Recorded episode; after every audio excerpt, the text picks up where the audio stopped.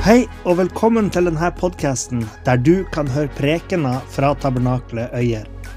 Vi håper det du hører her, vil være til oppbyggelse for det, og at det kan være til hjelp med å lede det til sannheten om Jesus.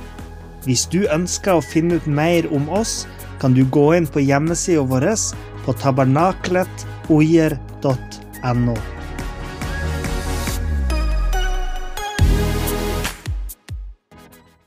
Ja, vi har jo et tema her. Blodspakten. Bibelens røde tråd. Og vi, vi fortsetter. Jeg nevnte noe om at vi forsøker å gå inn futurisk. Inn i framtiden, inn i himmelen. Og se at de synger der òg. Synger der også. Og... Eh,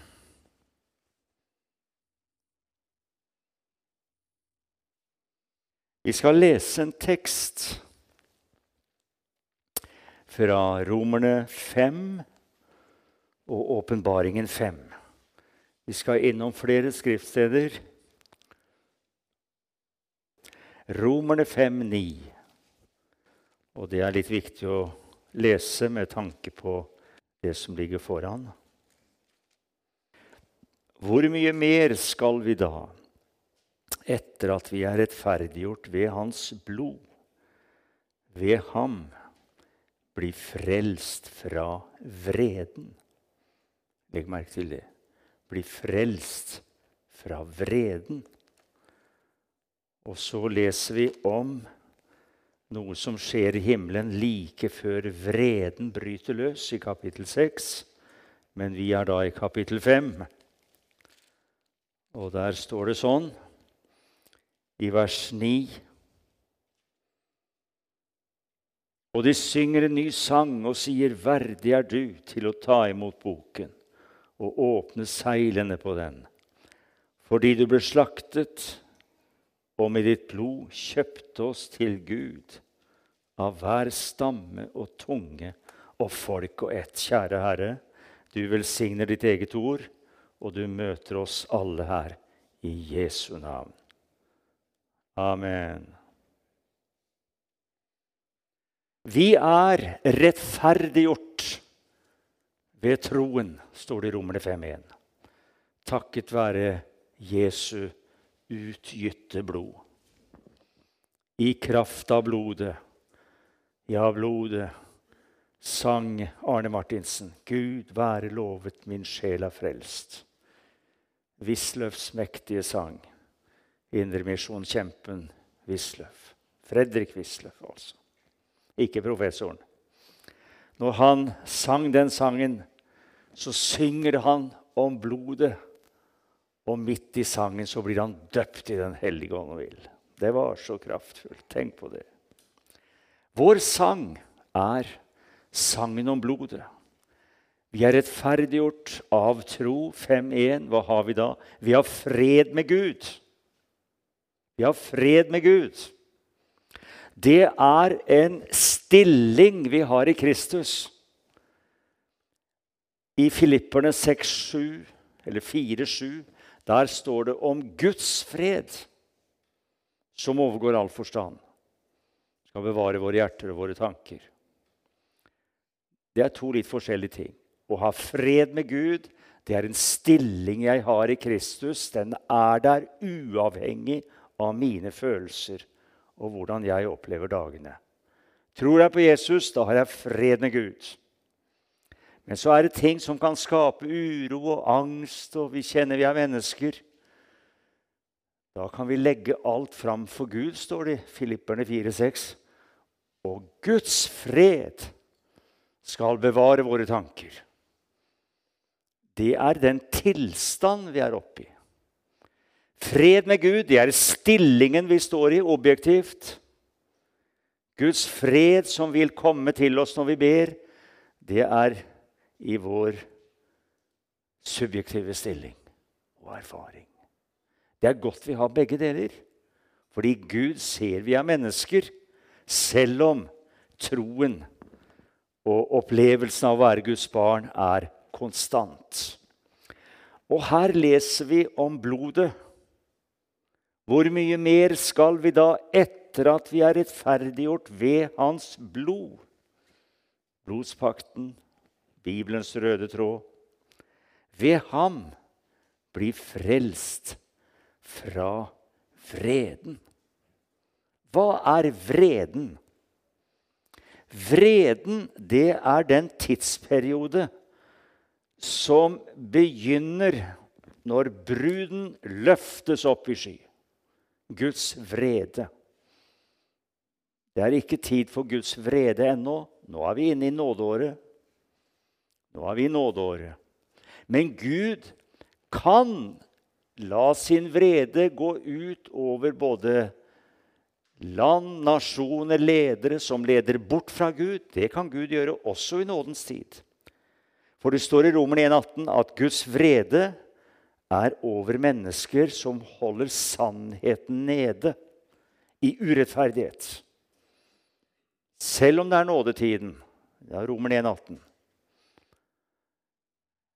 Men det kommer altså en dag da Gud vil gjengjelde jorden og mennesker på jorden for at de bevisst gikk imot ham, vendte Gud ryggen. For Gud er rettferdig. Gud er rettferdig, og det må komme rettferdige dommer. Det er noe som heter dommedag, da enkeltmennesket, individet, skal framfor Gud. Dit skal ikke vi. Det er ingen dom for oss. Dommen falt på Golgata, den. Vi er dømt, vi. Er vi dømt? Ja, vi er dømt. Har du ikke hørt hva dommen lød på? Full frifinnelse! Full frifinnelse! Så vi er dømt. Vi er allerede dømt. Gud er rettferdig. Jeg begriper meg ikke på mennesker som ikke tar imot dommen. Og hvis man ikke tar imot dommen, så kommer man til motsatt dom. Og det er noen mennesker som blander seg bort i det Gud holder på med. Det er så dumt. Vår innsnevrede hjerne, med all respekt, den er jo fantastisk. Men vi fatter ikke Gud i Guds vesen.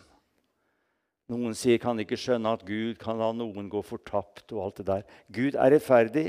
Det kommer ikke til å skje noe urettferdig i dommen. Når vi mennesker Nå er vi en rettsstat Norge. Se åssen man holder på. Viggo Kristiansen. Ja. Viggo Kristiansen. Jeg bør ikke si mer. Nå puster mange lettet ut, for rettferdigheten vant etter 25 år. Stakkars gutt. Stakkars familie.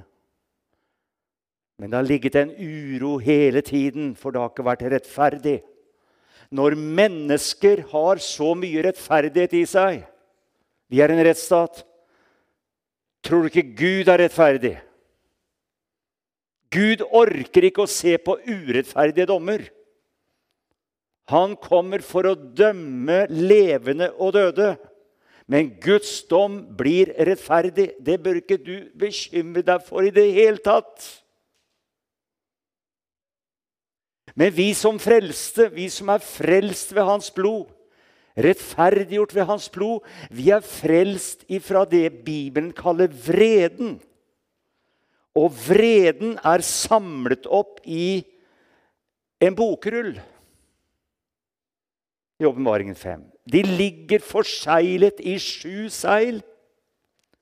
I sju skåler, som kalles vredeskåler i åpenbaringen. Og som også igangsettes ved sju basunstøt. Så det er 21 vrededommer som venter jorden. De har ikke begynt ennå. Men vi nærmer oss. Tiden er så langt at vi nærmer oss. Men vredens tid som tidshusholdning har ennå ikke begynt. Vi er i nådens husholdning ennå. Og det er menighetens husholdning, det er åndens husholdning, det er nådeåret. Husker du da Jesus gikk inn i synagogen i Nasaret i Lukas 4? De gav ham Jesajas bok. Så leser han fra det som siden er kalt Jesaja 61, om evangeliet skal forkynnes for fattige. Og eh, han leser om nådens år. Han lukket boken. For i neste setning står det om vredens dag. Tiden var ennå ikke kommet. Et nådens år fra Herren. Så lukker han boken. Og boken er lukket der. Den er til og med forseglet. Derfor så må den lukkede, forseglede boken åpnes. Og det blir gråt i himmelen fordi ingen finnes verdige til å åpne boken. Tenk på det. Vredens tid ligger foran. Men hva merker vi? Vi kan merke vene til det som skal fødes. Og veene kommer tettere og tettere.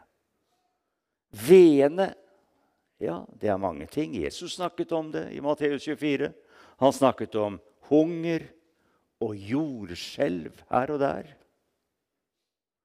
Han talte om sult, om pest, om uh, ting som skal skje, som er fryktelige ting. Og Jesus talte ikke bare herlig om endetiden, han talte egentlig lite herlig om endetiden. Det som er herlig om endetiden, det er profetord om at Gud er den samme inntil Jesus henter oss, og at vi kan få oppleve at Ånden uthyttes, Joel 3, gjentatt av Peter i Apostelhjernen 2, at Ånden kan utgyses over alt kjød, oldinger De gamle står det nå litt penere og uh, unge menn, kvinner, til og med trellkvinner, skal få den største nådegave. Tar det profetisk. Alt det der gjelder helt til Jesus henter oss. Men verden som sådan blir verre og verre å leve i. Vi har vært på den grønne bølge i mange år, vi, helt siden krigen. Vi har vært det. Nå går også mange nordmenn redde. Hva vil framtiden bringe? Vi vet så lite om det rent politisk. Vi kan trekke våre konklusjoner ut fra det som skjer, men vi merker uh, fødselsveene. De er i gang. Men vi nærmer oss åpenbaringen. Vi gjør det. Vi nærmer oss, men vi som er her, som tror, vi er frelst ifra vreden. Det er stort å tenke på. Dere sauebonder her oppe, har dere henta sauene? Nå er de i hus. Så deilig å høre. Jesus henter oss før trengselen, før vinteren. Før det bryter løs, høststormen og vinteren. Før kulda kommer. Det var et år for en del år sia. Det er mye jeg glemmer, men jeg er god på tall. Det var den 6. september for mange år siden. Du husker det fra sauebonde? Da frøs tusenvis av sauer i hjel, for vinteren kom uanmeldt med en halv meter snø og mange kuldegrader 6.9. Det er en del som tror at sauene skal gå ute gjennom trengselstida. Gjennom trengselsnatten. Gjennom vinteren. Skal ikke det, skjønner du. Da hadde ingen av oss overlevd. Ingen av oss. For dyret i trengselstiden krever full tilbedelse. Og den som ikke tilber ham, blir drept, står det i Åpenbaringen 13. står rett ut. Han skal virke i 42 måneder, står det i Åpenbaringen 13, vers 5. Så hvis Gud hadde latt sauene sine være ute gjennom trengselstiden, hadde vi omkommet alle. Og hvis han da skulle hente sine, så hentet han bare de døde i Kristus. Det var ingen levende å hente. Men når han kommer, så kommer han før vredens dag. Ved hans blod er vi frelst fra vreden. Det står jo her i Romerne 5,9. Vi er frelst ifra vreden. Og vreden begynner i åpenbaringen kapittel 6. Hvor er menigheten nå i åpenbaringen? Vi er i de tre første kapitlene. Der er vi en del av de sju menighetene. Når det står om de sju menighetene i Lilleasia Sju er Bibelens fullkomne tall. Sju det er helheten, det er totaliteten.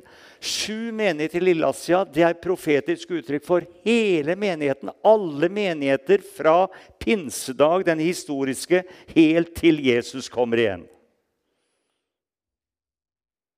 Der finner du alt en menighet kan komme borti. Av ros og ris.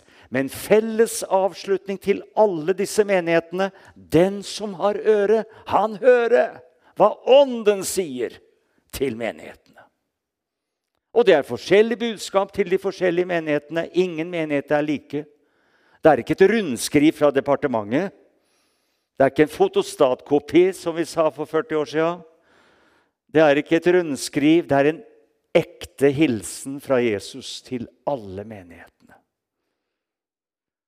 Og et par av dem får til og med høre at uh, 'hold fast på det jeg har'.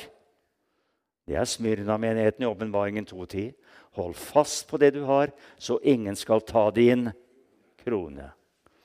En annen menighet som får høre det samme, hvilken av dem er det? Dagens quiz. Hvilken er den andre som får høre det lignende? Filadelfia. Se, jeg kommer snart. Åpenbaringen 3.11. Jeg kommer snart. Hold fast på det du har, så ingen skal ta din krone. Altså, Gud har gitt oss en krone. En krone. Og Den krona skal vi komme tilbake til. Vi ser altså at ved hans blod er vi frelst ifra vreden. Vreden er det samme som det gammeltestamentlige ordet 'Herrens dag'. Herrens dag er også vreden. Og jeg tror det faller sammen med Daniels 70. årsuke, som du kan lese om i Daniel 9. Daniels 70. årsuke. Den er litt på vent. Den 69. årsuken gikk ut med Jesus på korset, oppstandelsen. For nå er det menighetens tid. Årsukene er til det jødiske folk. Daniel 9, 24. Det gjelder ditt folk, Daniel, står det. Men så kommer den 70. til slutt. Etter opprykkelsen da setter Gud i gang klokka for Israel igjen. For da er det Israels side. Da er menigheten hentet hjem. Og da er det vakuumet som ligger mellom opprykkelsen Tenk på det. Og Jesu gjenkomst, det er da vredens tid. Det er vredens tid. Og du kan si det andre vakuumet, som er mellom pinsedagen med åndsutytelse over hedningene, jødene også som tror, men over alle som tror, og fram til brudens opprykkelse. De 2000 årene der Jeg tror nemlig det er ca. 2000 år.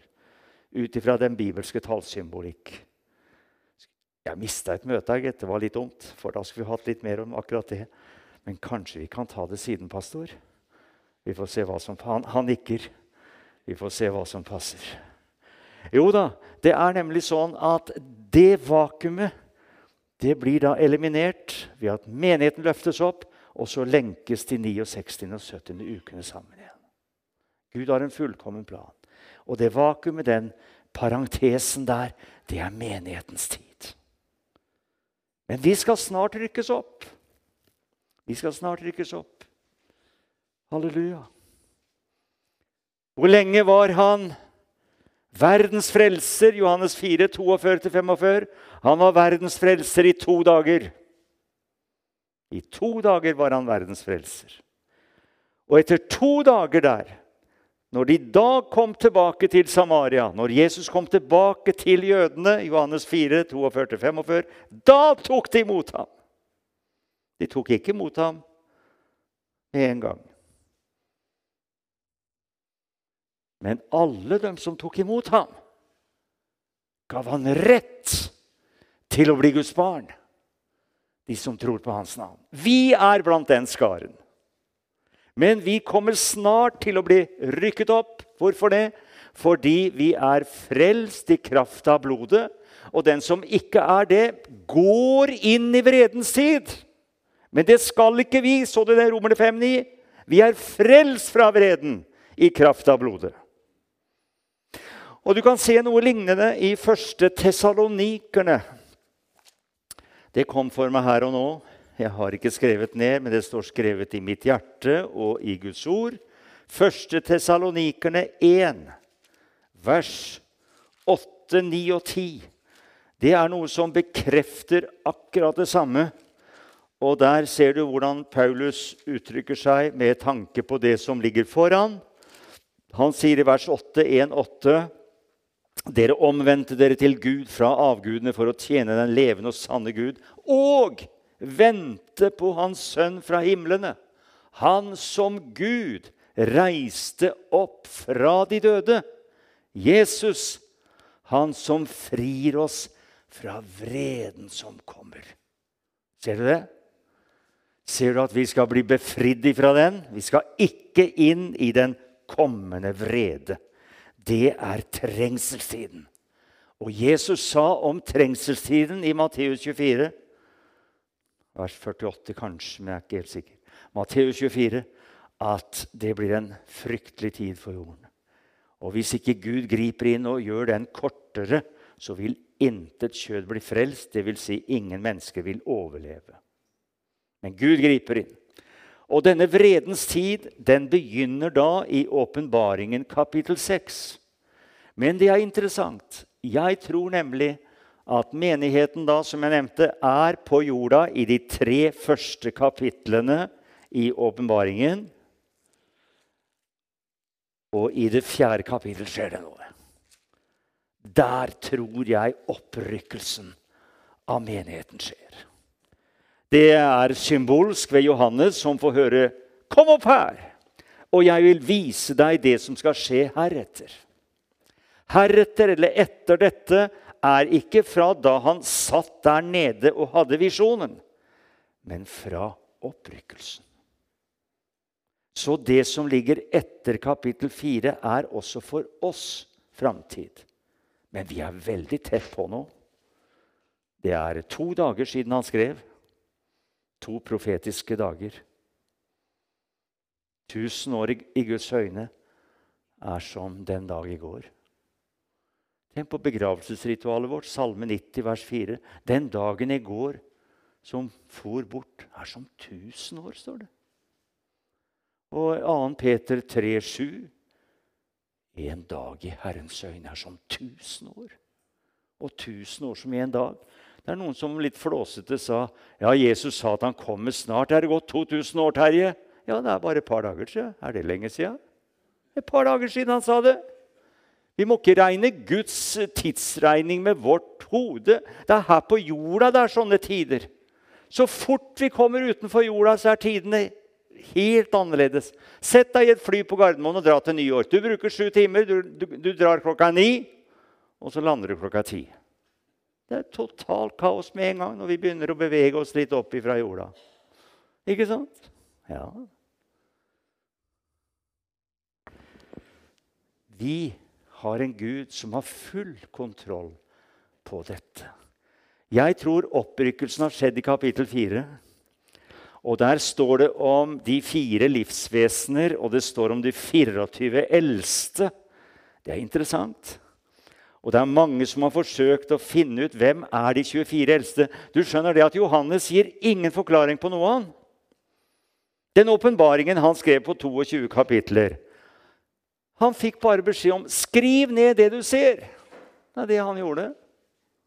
Han skrev det han så. Det er ingen tolkningsnøkkel i åpenbaringen. Vi må be Gud å åpenbare ordet for oss. Johannes sier ikke 'det betyr det', og 'det betyr det'. Derfor har det også vært mange som har undra på hvem er de 24 eldste.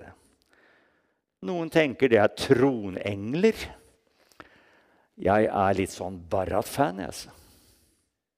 Jeg er med i Barrats fanklubb.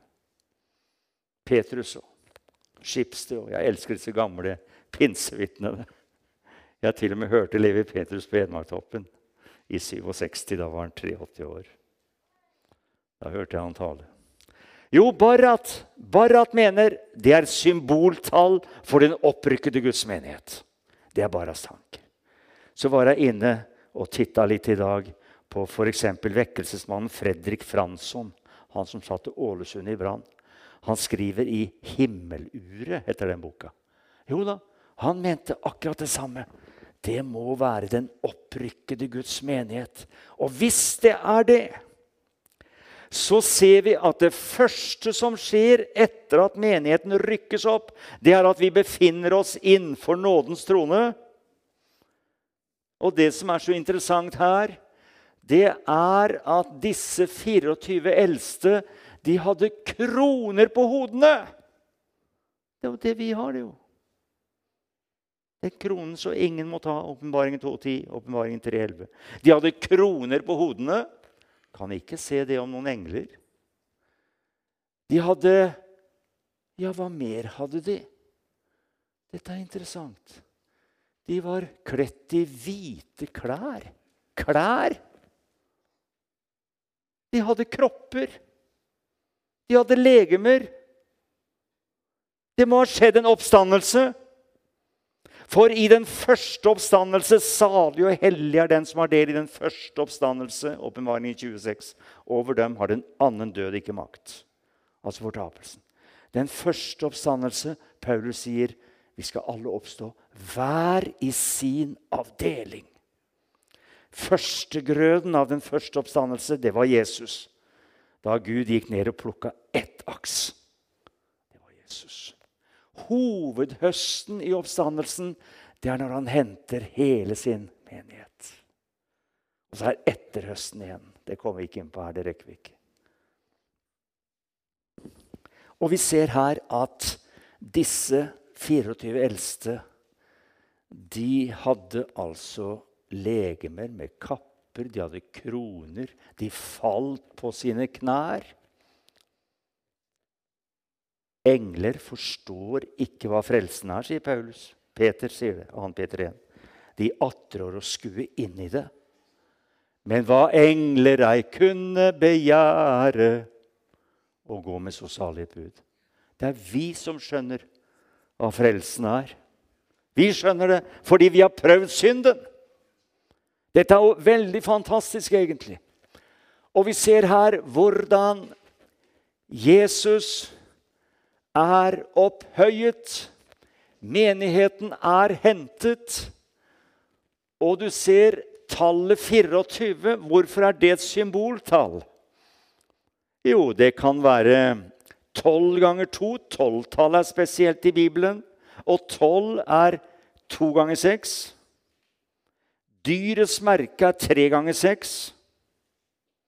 Tre er et fullkomment tall. Det er Guds tall. Og tar man det fullkomne tallet og kobler det til menneskets og syndens tall, som er seks Det er menneskets tall.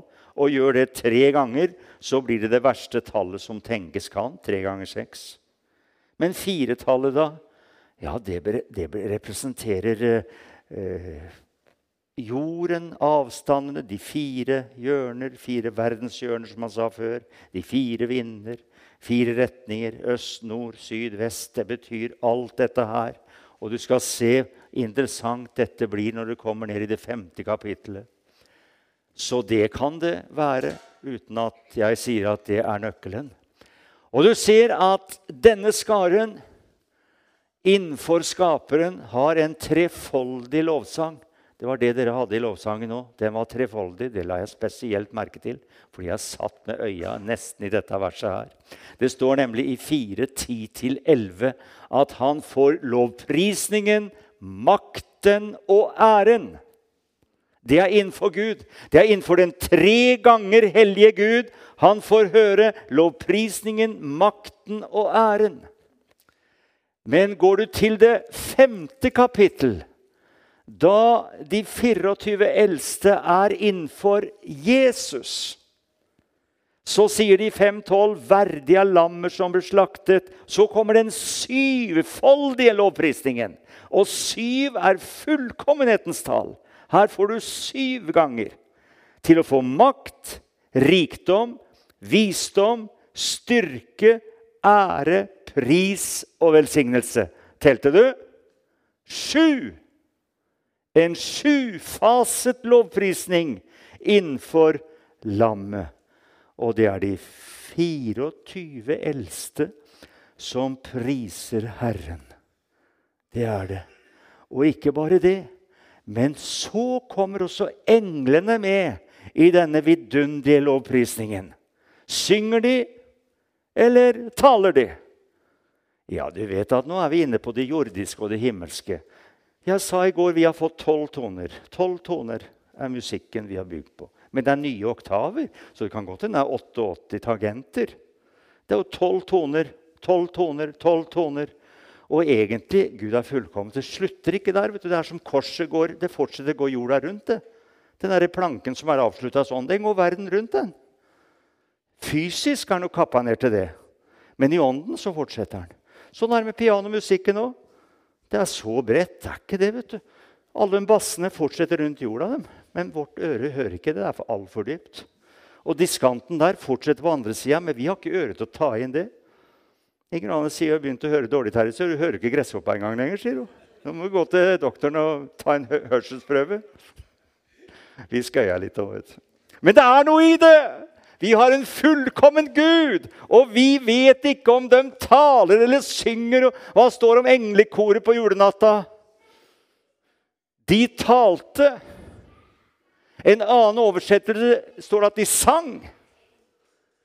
Ja, men når Ånden kommer over oss, i Efeserne 5, bli fylt av Ånden, så dere taler til hverandre med salmer og sanger. Ser du dette her? Det blir en mølje av det. Det er ikke lett å ha klare linjer der når Ånden kommer. Vi taler med salmer, sanger og åndelige viser. Taler. Taler med sanger. Da må man vel synge, vel? I hvert fall i himmelen så er det lovprisning. Og vi ser at de 24 eldste, hvis det er brudeskaren, så har de med et kor.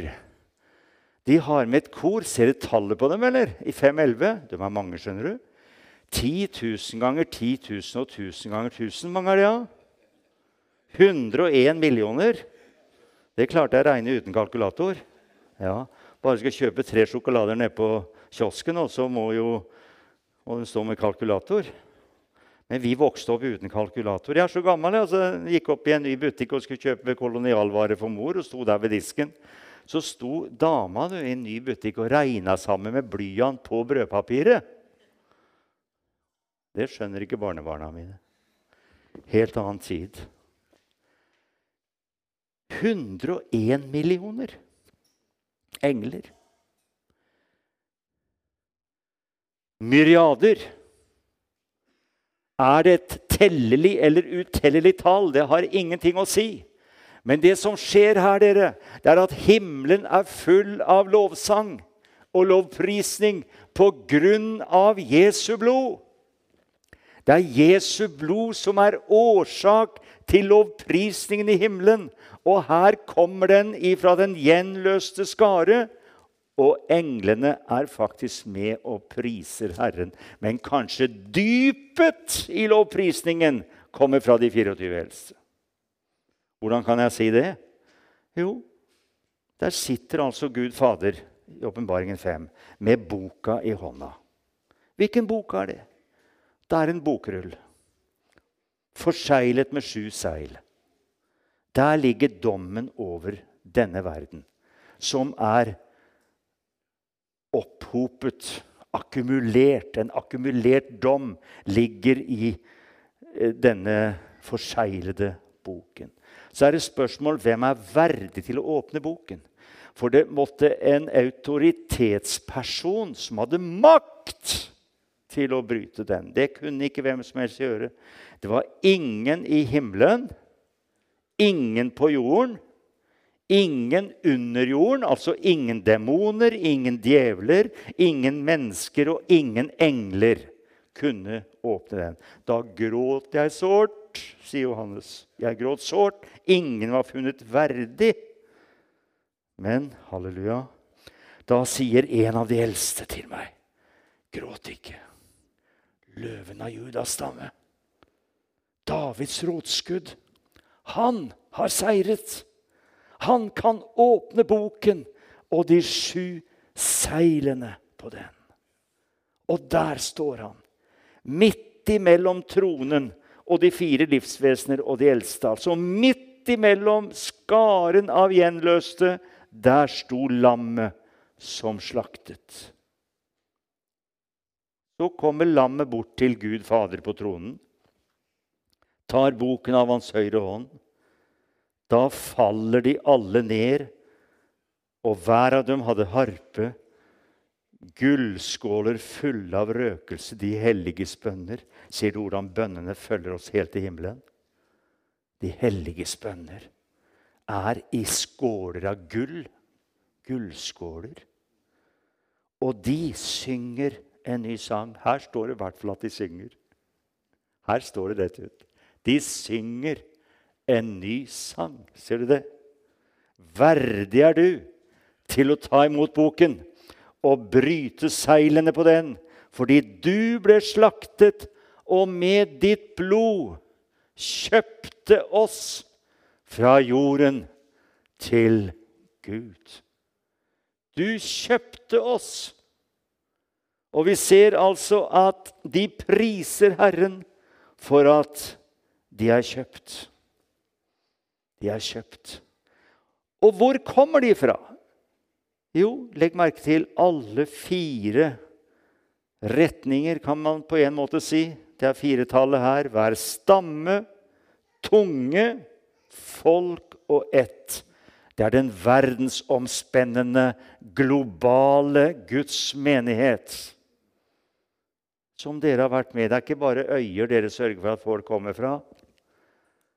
Hvor er det Elin har vært igjen? I Sør-Afrika, ja.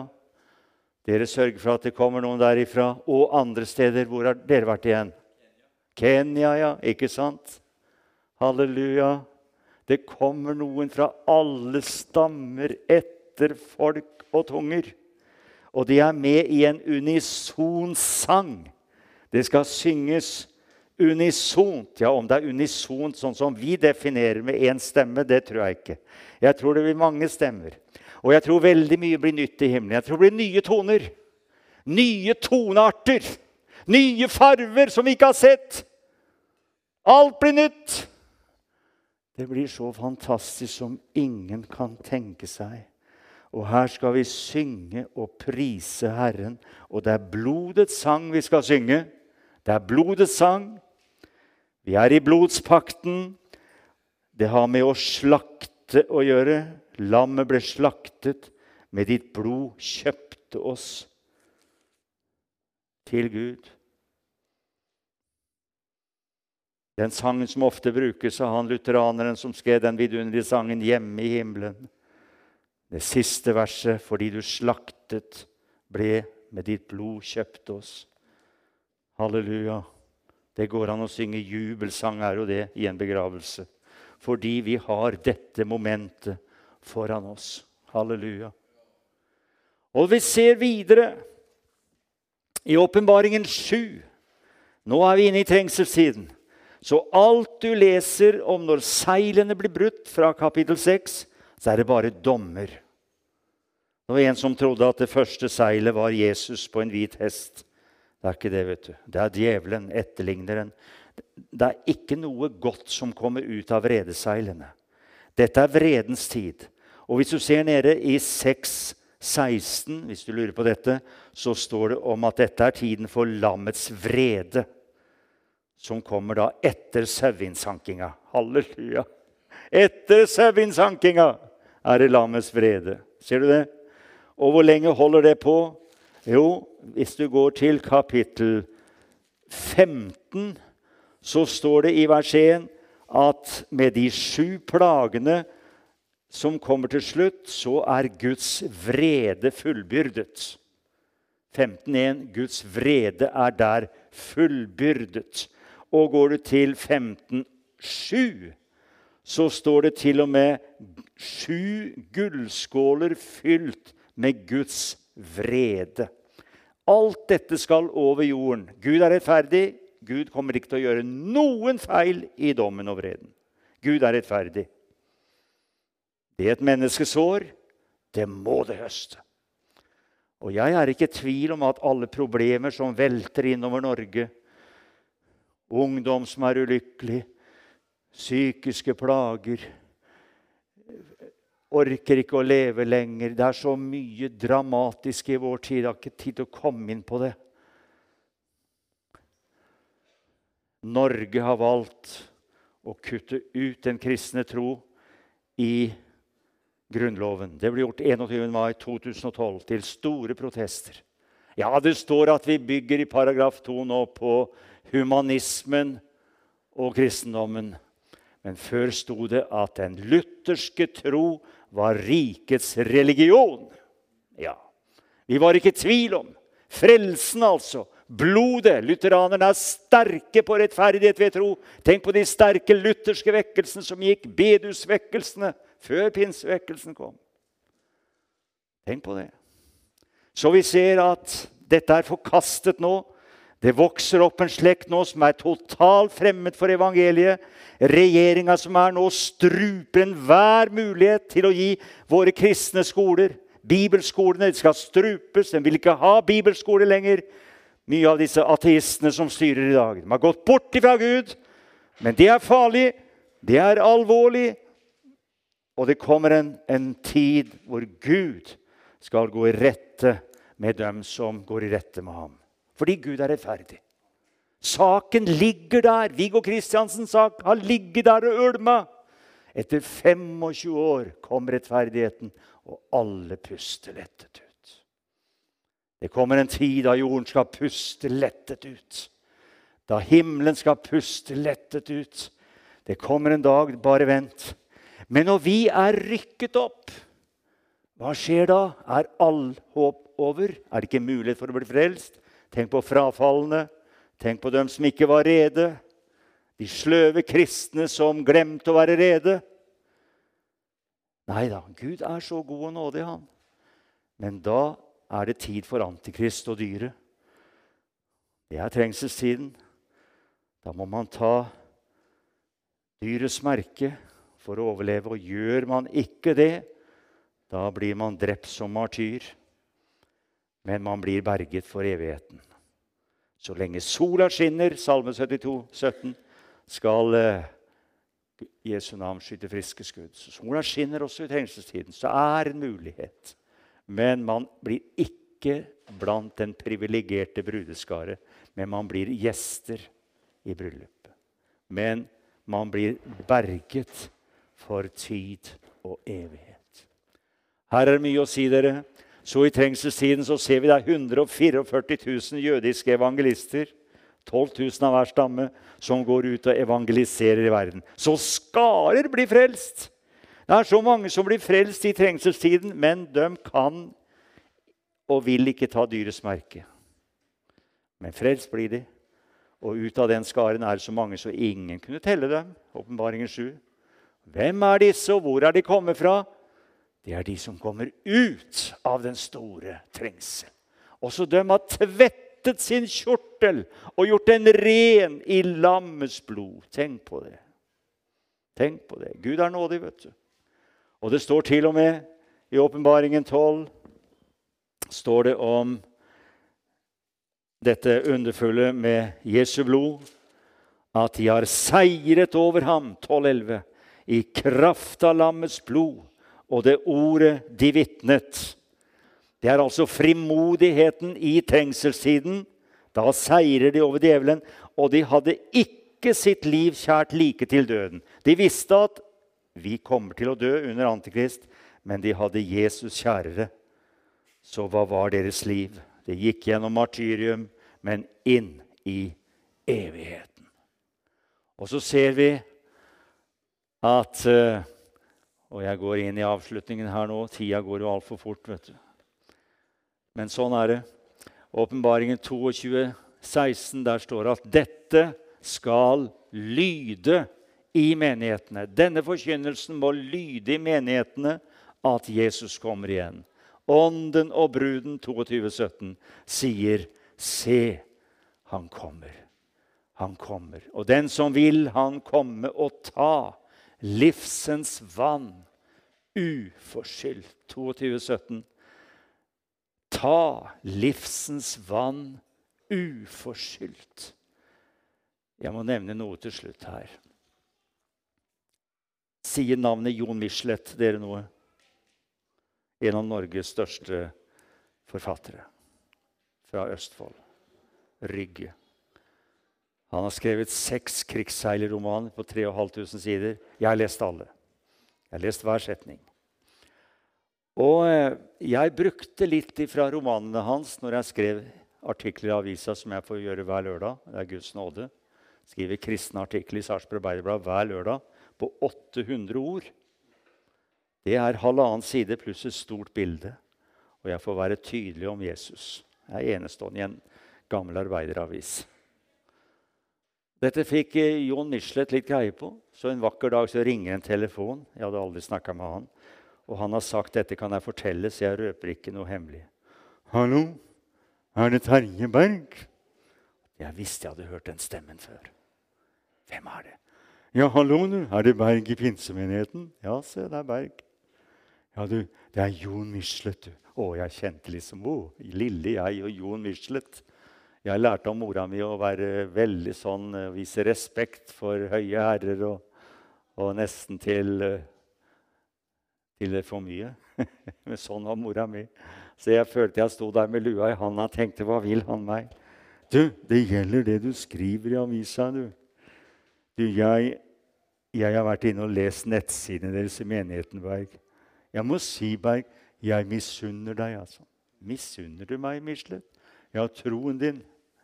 Jeg vil så gjerne være kristen, men jeg får det ikke til. Jeg har prøvd, men det er så vanskelig for meg å tro. Vi prata i 40 minutter om tro. Han ville. Han ville! Og så ber vi til Gud. Han, vi ber om at han må klare å gjøre ferdig bøkene sine. Og de siste kapitlene, da er han så syk at han ligger i sykehussenga og skriver med blyant. Kunne ikke bruke PC lenger. Når han satt det siste punktummet, så dør han. Da fikk jeg et ord. Da fikk jeg et ord. Og jeg ringer til dattera hans Tanja, som hadde vært flere år kristen i smug og turte ikke å si det til faren sin, som da var en gammel marxist-leninist, kommunist og ateist. Det lå noe der som ingen kunne ta ifra ham. Så fikk jeg et ord. Du, Tanja, det gjelder faren din. Jeg må bare si til deg, se, nå skal han begraves. Jeg har fått en opplevelse av at han er hjemme i himmelen. Ble en frelsberg? Ja, sier jeg er sikker på han ble frelst. Da gråt Tanja. Hun har vært på TV og fortalt historien sin. Hun har blitt døpt og er med i menighetsrådet i norske kirke i Moss. Jeg tror han ble frelst. Jeg er sikker på det. Ut ifra åpenbaringen 22. Den som vil, han komme. Han ville. Ja. Han sa han klarte ikke å tro. Vi må ikke gjøre troende, troens ord vanskelig. Den som vil, han komme og ta livsens vann som en gave, står det på skjermen der. Den som tørster. Han tørstet, han lengtet, men han klarte ikke å tro. Men han ville! Halleluja. I oppstandelsen blir det mange overraskelser. Gud kjenner hjertene. Og dere, jeg følte jeg ble ikke ferdig, men nå må jeg bare bli ferdig. Men dette er jo et fantastisk tema. vet du. Det er jo et fantastisk tema. Tenk for et tema. Oi. Å se fremover. Hva øyet ikke har sett hva øret ikke har hørt, hva Gud har beredt for dem som tror på ham. Herre, vi priser deg, vi takker deg. Takk at vi er regna med. Jeg ber om enda nåde for Norge, landet vårt, som nå har en regjering som prøver å ta livet av alt som heter tro og kristendom. Møt dem, Herre. Møt Støre som sier han er kristen. Hjelp han å ta det inn i politikken. Møt kulturministeren som gjør alt hun kan for uh, at alt som går på Romerne 1, skal slettes og gi fengsel i inntil seks år. Jeg ber for denne forvillede sjel. Møt henne. Møt kunnskapsministeren, som hindrer norske skolebarn i å få utlevert Bibelen, som de alltid har fått av Gideon. Jeg ber for utenriksministeren, som er helt på ville veier når det gjelder Israel. Møt regjeringen vår. Det er mange dyktige, bra folk som mennesker, men de er på ville veier. Du kan møte vår ledelse i Norge. Takk, Jesus Kristus, for at vi kan be for landet vårt. Sett vakt ved grensene. Takk, Jesus, at verdenssituasjonen er i dine hender, og ingenting skjer uten din tillatelse. Du har full kontroll. Vi behøver ikke være engstelige og nervøse. Hele vårt liv er prisgitt deg. Du tar vare på oss til du kommer og henter oss. Ta vare på oss. Vi kjenner ikke dag og time, men vi tror du kommer snart. Det har du selv sagt. I Jesu navn. Amen. Takk for at du hørte på. Hvis du tok et steg i tro i dag, eller du har noe du ønsker forbønn for, så vil vi gjerne høre ifra det via e-postadressen kontaktalfakrølltabernakletoier.no Du er òg velkommen til våre ukentlige gudstjenester i menighetslokalet i Haugskutua 5 26 36 Øyer.